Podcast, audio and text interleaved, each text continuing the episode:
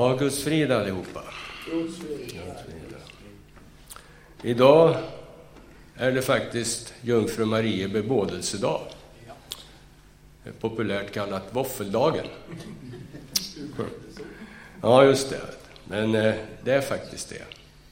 Och eh, jag har alltså i dessa svåra tider en eh, glad nyhet angående den här dagen. Det är bebådelsedagen, den när ängeln Gabriel kom och besökte Maria, Jesu mor, och talade om för henne att hon skulle bli havande och föda Messias, det vill säga Jesus. Det glada i det här, det är att nu är det exakt nio månader kvar till julafton. Ja, ja visst. Ja. Eh, jag hade tänkt ta upp eh, några bibelverser Eh, just angående bön. Och det är eh, från Johannes 14 kapitlet. 13 vers börjar jag läsa ur. Jag vet inte om det kommer. Ja. Och vad ni än ber om i mitt namn skall jag göra för att Fadern skall bli förhärligad i Sonen. Om ni ber om något i mitt namn skall jag göra det. Mm. Det är verkligen något att säga amen åt. Ja. Och sen har vi nästa. 15 kapitlets sjunde vers. Om ni förblir i mig och mina ord förblir i er, som be om vad ni vill och ni skall få det. Och sen vidare, 16 versen, det 16 kapitlet, verserna 23 till 24. För det här passar rätt bra med de här verserna. Därför att de kommer strax innan Jesu egen förbön. Jesu översteprästerliga förbön. Då han ber för oss. 23 versen säger, den dagen kommer ni inte att fråga mig om något. Amen, amen säger jag er. Vad ni ber Fadern om i mitt namn, det skall han ge er. Hittills har ni inte bett om något i mitt namn. Be och ni skall få, för att er glädje skall vara fullkomlig. Ja, det är ju uppmuntrande ord det här.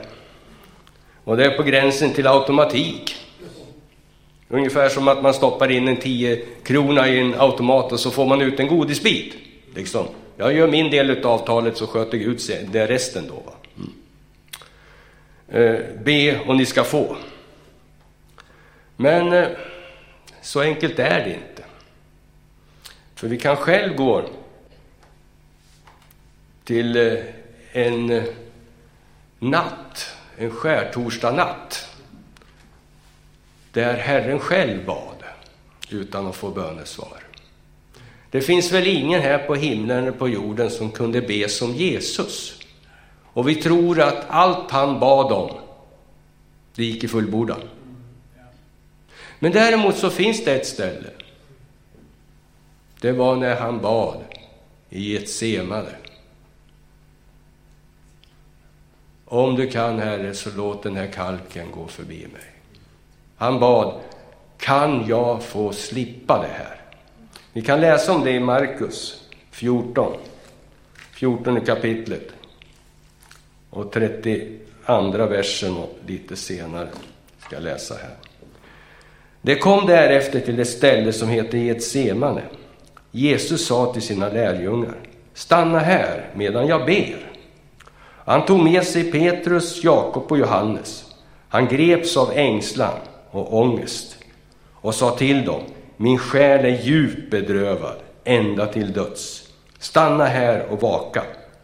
Han gick lite längre fram och föll ner på jorden och bad att han om möjligt skulle bli förskonad från denna stund. Han sa, Abba, Fader, allt är möjligt för dig. Tag denna kalk ifrån mig. Men inte som jag vill, utan som du vill.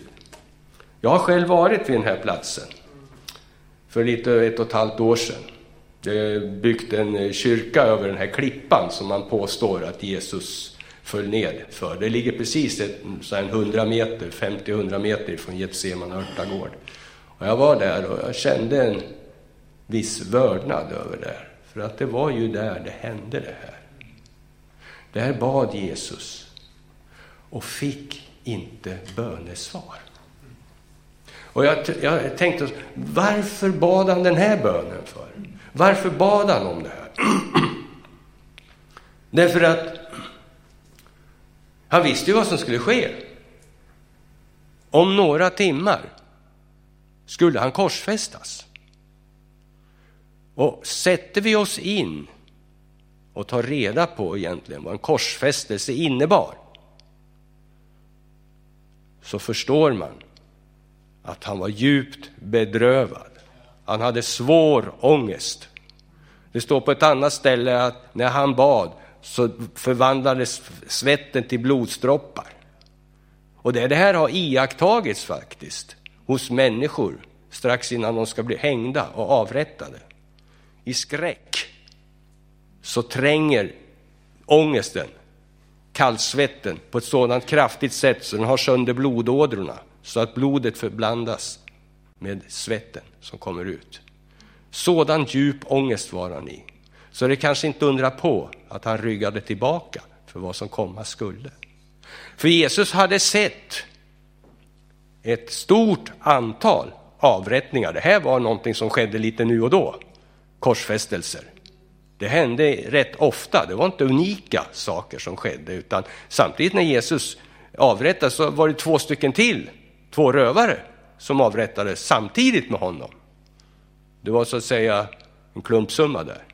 Men den hände lite då och då att det här skedde. Så Jesus visste vad det här innebar. Jag kan tala om för er att det var så illa, det här med korsfästelsen. Vi kristna, vi går omkring och bär på ett kors här. Det var någon gång på 300-400-talet som det började användas som kristen symbol, korset. För innan dess, i romarriket, så hade människor sett vilken fruktansvärd eh, dödssätt korsfästelsen var. Och den användes inte alls som kristen symbolik, utan man använde fisken faktiskt. Fisken var det som representerade kristna och var en symbol oss emellan. Så att inte förrän en eller två generationer hade dött som inte hade bevittnat, som hade bevittnat en korsfästelse, då började användas korset. Korsfästelsen var en fruktansvärd avrättningsmetod. Alltså. Så Jesus hade ångest för det här. Och ändå ber han. Och då förstår man ju att han bad. Om det finns en chans, låt mig få slippa. Och man tänker så här, vad är det sista som grusas hos människan? Det är hoppet. När man förlorar hoppet, då är man rökt. Har man inget hopp, då finns det liksom ingenting kvar att leva för. Så Jesus var sann människa och han prövades ända in i det sista. Till och med det sista hoppet togs ifrån honom. Och varför bad han? Jo, för det fanns ett prejudikat här. Det fanns faktiskt det. Det sista halmstrået han kunde hänga fast vid, det fanns ju där. Det var Abraham och Isak. Isak blev skonad. Abraham hade fått order av Gud att offra Isak och Abraham lydde det. Där har vi också en ganska rolig bild på hur det gick till. När Abraham gick upp till Moria berg, då bar han elden. Sonen fick bära träet. Isak fick bära träet. När Jesus bad den här bönen så hade han det sista, sista hoppet där. Gud hade ju skonat Isak och visade för Abraham en bagge istället. Baggen fick ta Isaks plast. Men ändå avslutar han den här bönen, inte som jag vill, utan som du vill, Herre. Och det är det här som är kontentan i alla böner egentligen. Det viktiga här, det är Guds vilja.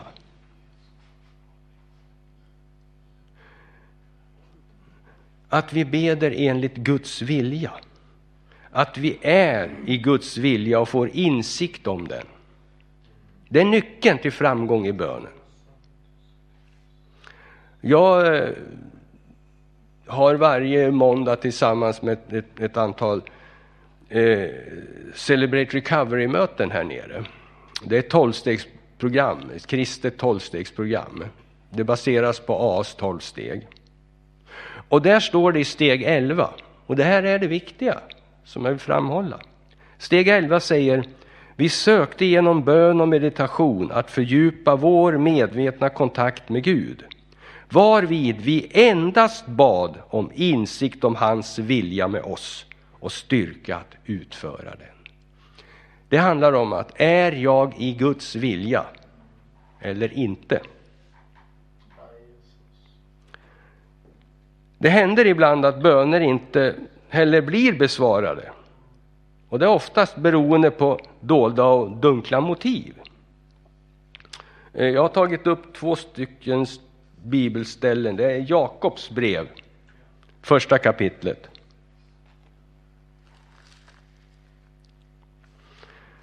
Jakobs brev, första kapitel har vi och femte versen och sjätte versen. Om någon av er brister i visdom skall han be till Gud som ger åt alla villigt och utan förebråelser och han skall få den. Det här är ganska kul. Det är en av de få verser som man kanske inte så ofta lägger fram som tacksägelseämne. Jag har fått bönesvar, jag har blivit vis. Sällan det händer. Jag tror aldrig jag har hört det. Det är ungefär samma sak som att tala om att jag har blivit ödmjuk. Det är en av de få ställena man inte jublar inför bönesvar på det sättet. Det kanske sker inom en, men man lägger inte fram det. Mm. Det skulle vara ovist att göra det. Mm. Men han ska be i tro, utan att tvivla. Ty den som tvivlar liknar havets våg som drivs och piskas av vinden. En sådan människa skall inte tänka att hon kan få något av Herren. Det här tvehågsna, tvivlandet, ifrågasättandet, det är faktiskt ett stort hinder. Redan vid tvivlet, alltså därför att motsatsen till tro, det är inte tvivel. Motsatsen till tro, det är otro. Men tvivel är en bit på vägen åt det hållet. Man kan i och för sig vända i dörren där, men fortsätter man igenom den, och då säger Jakob, den människan ska inte tro att hon får någonting av Gud. Nej. Det är inte bara att jag vet vad jag tror på, jag vet vem jag tror på och han är trofast. Så jag behöver inte tvivla. Sen har vi fjärde kapitlets tredje vers. Ni ber, men får inget, därför att ni ber illa, för att slösa bort allt på njutningar. Man kan också ha dolda och dunkla motiv till sina böner. Det kan vara tvivel då, men lystnad och avundsjuka. Jag vill ha en större bil än den där. I och för sig så har jag Mercedes så jag behöver inte be så värst mycket mera. Men i alla fall. Ja. ja. Men inte heller rabblandet utan många ord. Liksom. För sina många ords skull, säger Jesus, så tror fariséerna att de ska liksom eh, få någonting utav Gud att de ska tillfredsställa Gud. Långa böner. Nej. En kort suck till Herren är oftast det som biter bäst, måste jag säga. I alla fall har jag den upplevelsen. Det är så där liksom när jag försöker vara fin i mina böner eller försöker att lägga ut dem lite snyggt och så vidare. Då är, då är det mer hjärnan som är igång och munnen än hjärtat. Mm. Bön är ingen trollformel heller liksom sådär, bara för att jag liksom lyckas rabbla ihop något snyggt och prydligt och så vidare. Alltså, förskrivna böner, det kan också vara effektiva om hjärtat är med, det är inte så jag menar. Men det är inga trollformler. Det är inte det där stoppa in en 10 krona och sen få ut sin godisask. Va? Nej, så funkar det inte. Det är Också sen står det på ett ställe, säger Paulus i Thessalonikerbrevet, bedjen oavlåtligen. Och jag ska be hela tiden, jämt och ständigt. Sådär. Men jag har en liten bekännelse jag måste göra här. Mm. När jag var nyfrälst Det hade gått en så här sex, sju månader. Så jag tar på mig byxorna och upptäcker att mina knän ser konstiga ut. Så jag började titta på dem och kände, då hade jag fått valkar på knäna. Ni förstår, jag tillbringade de första halvåret, året i princip på knä hela tiden när jag var nyfrälst, ropandes till Gud om hjälp och förskoning. Jag var en intensiv bedjare. Tyvärr, här kommer bekännelsen, så har jag inga kamelknän idag. Men däremot har jag upptäckt att jag ber oavlåtligen. Så fort jag vaknar och sätter ner fötterna på golvet så är jag igång här inne. Det är en konstant dialog med Gud. Hela tiden, från morgon till kväll. Jag, möjligen, jag är på knä också mellan varven, det är jag. Det, det, det, ska jag inte sticka under stol med. Men eh, däremot så är det den här konstanta bönen inom mig som sker. Och jag är lite frapperad över den, alltså, för den pågår hela tiden. Och det, men det har också att göra med, med den, här, eh, den här dialogen. Det har att göra lite grann med den dagliga omsorgen också som Gud har med oss. Den är avhängig av den här konstanta bönen. Jag beder konstant och är i bön. Jag är i Guds vilja. För är jag i bön så är jag i Guds vilja. När hjärtat är med, när jag är med, min ande är med, så är jag i Guds vilja. Och jag har märkt så mycket av det. För jag kommer ihåg när jag var nyfrälst, så var det ganska ofta... Jag, jag måste erkänna att jag fick bönesvar rätt ofta då. Mycket oftare än numera konkreta bönesvar. Jag vill inte påstå att de hagla, men eh, det var eh, småskurar hela tiden, mer eller mindre. Det var det, de första åren när jag var frälst. Konkreta, påtagliga bönesvar. Men nu, nu är det mer som att jag är med i ett skeende istället. Jag skulle vilja uttrycka det så. Visst får jag bönesvar och så här, men det är något som att sker nästan hela tiden det också. Men det är inte sådana himlastormande saker. Men det är om den här dagliga omsorgen. Man ser dörrar öppnas och dörrar stängs och personer kommer och jag får telefonsamtal, träffar människor. Alltså på ett sådant påtagligt sätt. Jag brukar, alltså i och för sig så är det ganska roligt också. Jag tycker Gud har humor sådär va, men eh, eh, som en, en dag till exempel, jag, jag hade varit nere på LP här och de hade fått in alltså en hel pall med kaffe. Alltså jag har tagit upp det här i, i, i församlingen några gånger, så här, när jag vill tala om riktigt påtagliga bönesvar, alltså, så är det här ganska markanta saker. Eh, då hade de fått in en hel, hel pall med kaffe som de delar ut till, till eh, folket där nere. Och, eh, men så hade det smugit sig in en hel del eh, bönor, kaffebönor. Och kaffe är ju en helig dryck, det är gjort på bönor, så det passar ju bra. Va? Så, eh, och jag är lite utan kaffenörd sådär. Va? Så jag har alltså sån här elektrisk kaffekvarn hemma, jag blandar egna blandningar och sådär. Va? Och det visste Miriam, Miriam Holm, hon visste om det här liksom. Så att hon tog undan de här, för de skulle, gick ändå inte att ges bort, för det var inga andra som hade det bland eh, mina före detta kompisar. Det är ingen som har en kaffekvarn liksom. Man har en korköppnare, det har man, men ingen kaffekvarn. I alla fall så så hon tog undan dem där och så gav hon dem till mig, för hon visste att jag hade en sån där kaffekvarn. Ja. Och eh, så gick det ett halvår ungefär. Jag hade gratis kaffe ett halvår, det var ju roligt så här.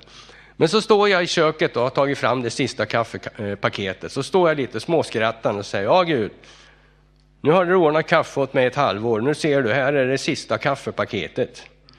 Hur ska du fixa det här då, säger jag. Det är lite så här skämtsamt, va? alltså så va. Mm. så va? inte vanvördigt, men lite skämtsamt. Och så skrattar jag. Så skulle jag åka till Torshälla, jag skulle ha ett möte i Torshälla. Så jag eh, klär på mig och så åker jag in i bilen och så kommer jag upp precis utanför kyrkan i Torshälla. Så står det en kille där liksom med en stor kartong. Och så säger när jag kliver ur bilen så säger han, eh, du dricker kaffe va? Ja, säger jag. Vet. Här får du kaffe, sa han åt mig. Så jag fick sex och ett halvt kilo kaffe till alltså. Och det tog Gud alltså 45 minuter att fixa det, från att jag stod i köket. Alltså. Jag tycker att...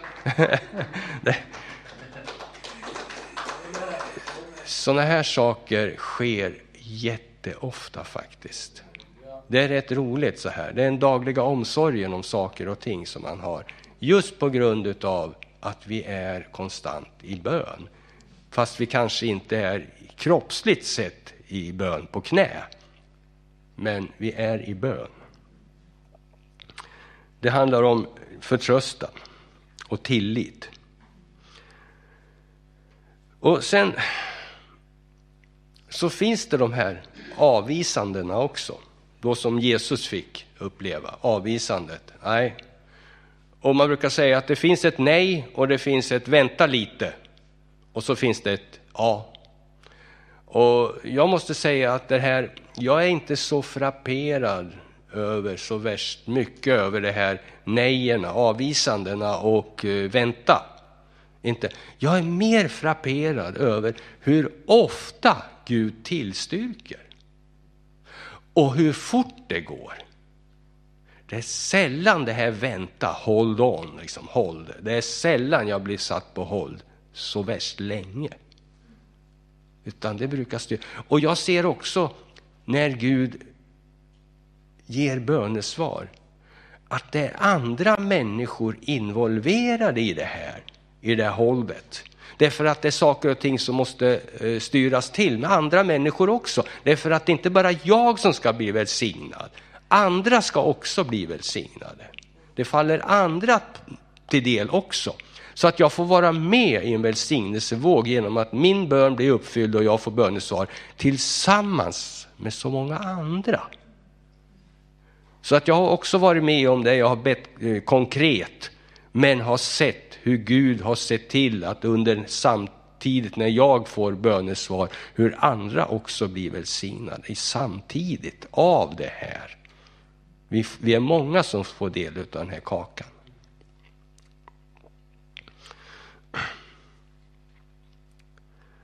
Så att jag är förundrad över hur ofta Gud ger oss bönesvar. Och jag vet också vem jag tror på. Han är trofast. Och så har jag lagt till lite grann, liksom lite på skoj här. Så trösta nu varandra med dessa ord. Mm. Så. Nu kan vi fortsätta att be. Mm.